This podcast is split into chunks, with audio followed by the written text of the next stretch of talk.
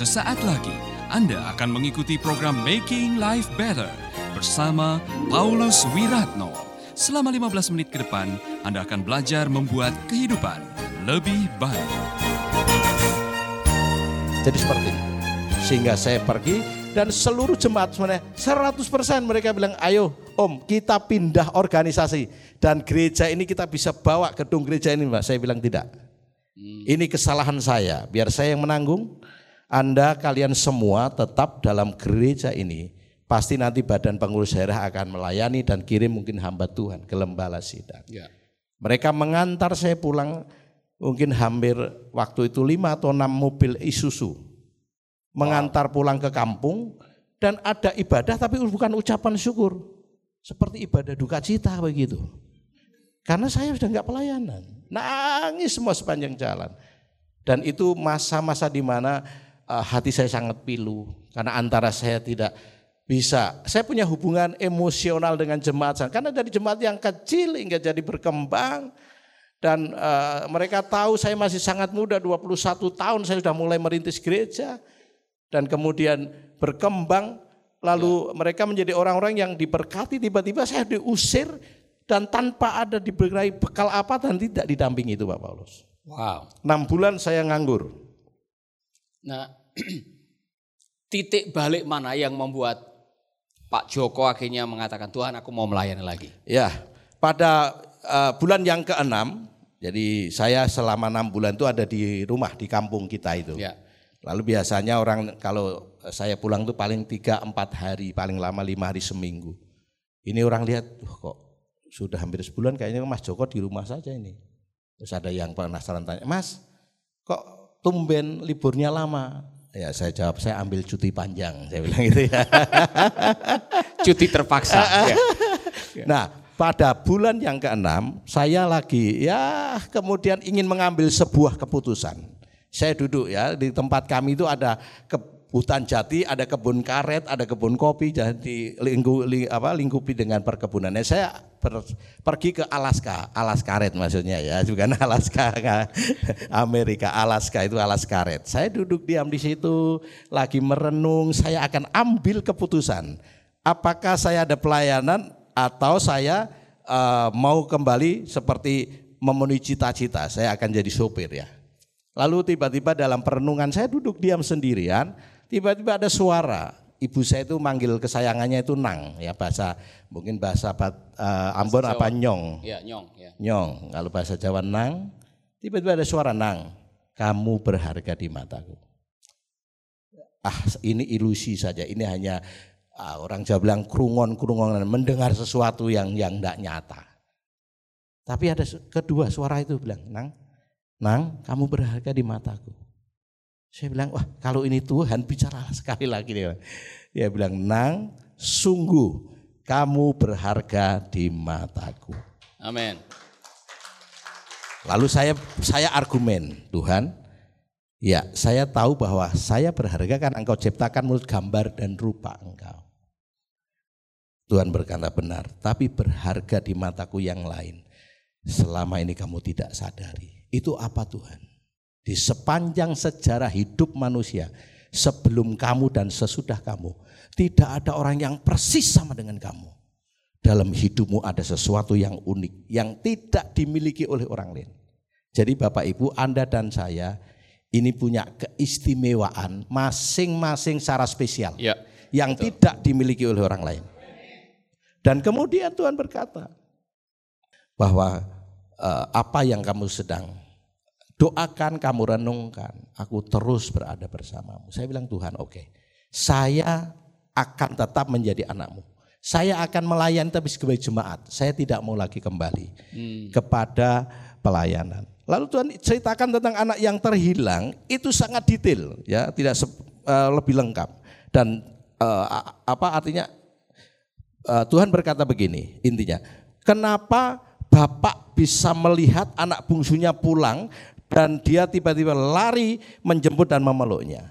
Karena sejak anak itu keluar dari rumah, sejak itu bapak dari pagi sampai petang berada di depan Ya, pintu rumah. menantikan. Menantikan Ya. dan melihat di mana anak itu pergi. Makanya begitu anak bungsunya pulang, Bapak bisa cepat lari dan memeluknya. Saya bilang Tuhan aku seperti anak terhilang, aku udah nggak layak, aku berdosa terhadap aku mem mempermalukan namamu. Tuhan berkata, tiba-tiba seperti Tuhan berikan saya penglihatan Pak Paulus. Saya sedang mau pergi ke keluar kota naik kereta. Saya tahu-tahu telat satu jam. Hmm. Wah kereta lima menit telat aja tertinggal. Tapi ada dorongan kamu ke stasiun. Dan saya kemudian sudah pakai jas seperti ini lengkap, kemudian bawa tas koper dan saya ke stasiun. Ternyata di stasiun itu kereta yang akan saya naik itu penuh sesak sampai orang berjubel di pintu berdiri. Tapi belum berangkat. Lalu seperti apa? Pramugara ya, laki-laki yang di kereta ya, yang ya, ya. lihat saya dari kejauhan dia terus lari temui saya, pegang itu koper saya dan dia pegang tangan saya cepat. Dia bilang, Bapak harus cepat masuk kereta. Anda masih bersama Paulus Wiratno di Making Life Better.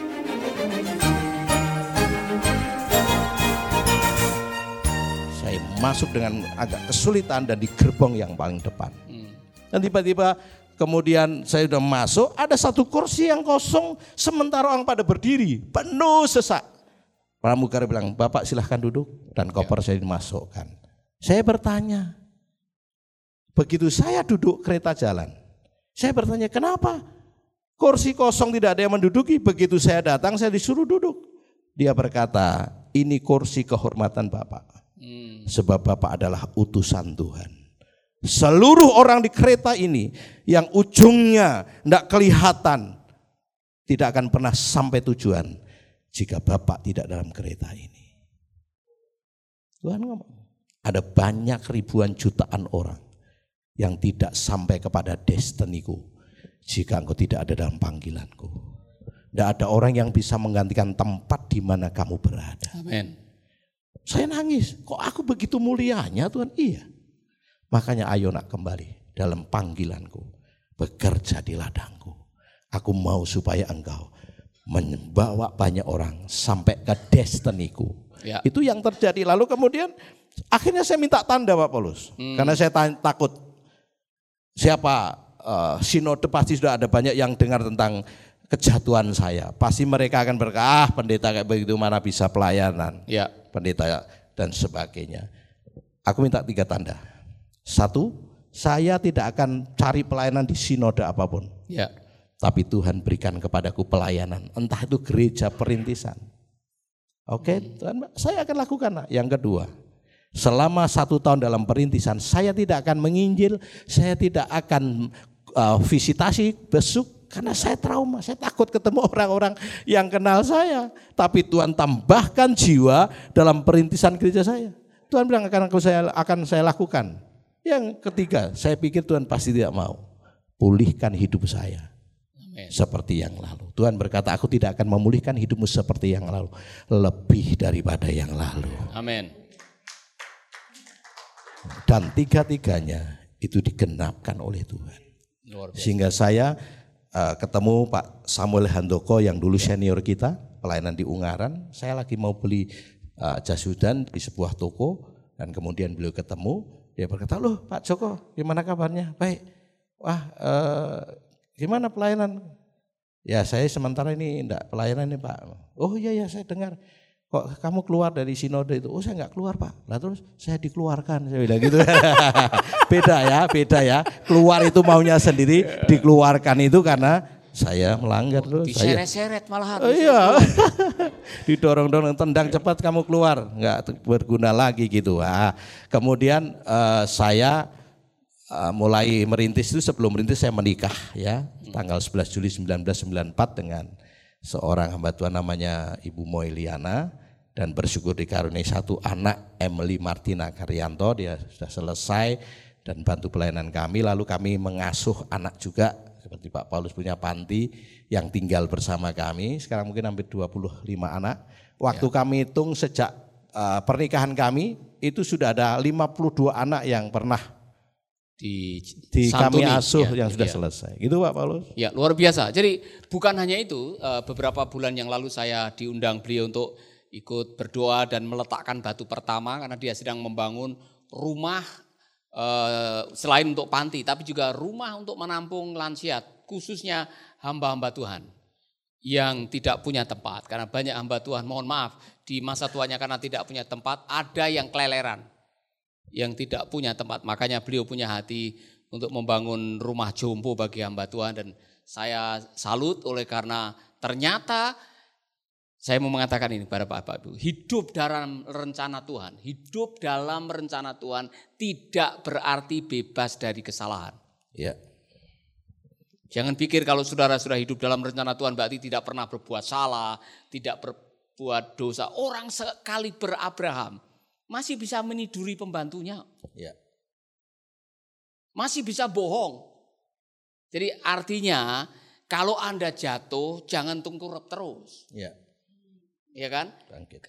Yang penting adalah menyadari dan mengakui Ngakui. itu dulu. Ya. Jadi keterbukaan adalah awal, dari pemulihan. betul.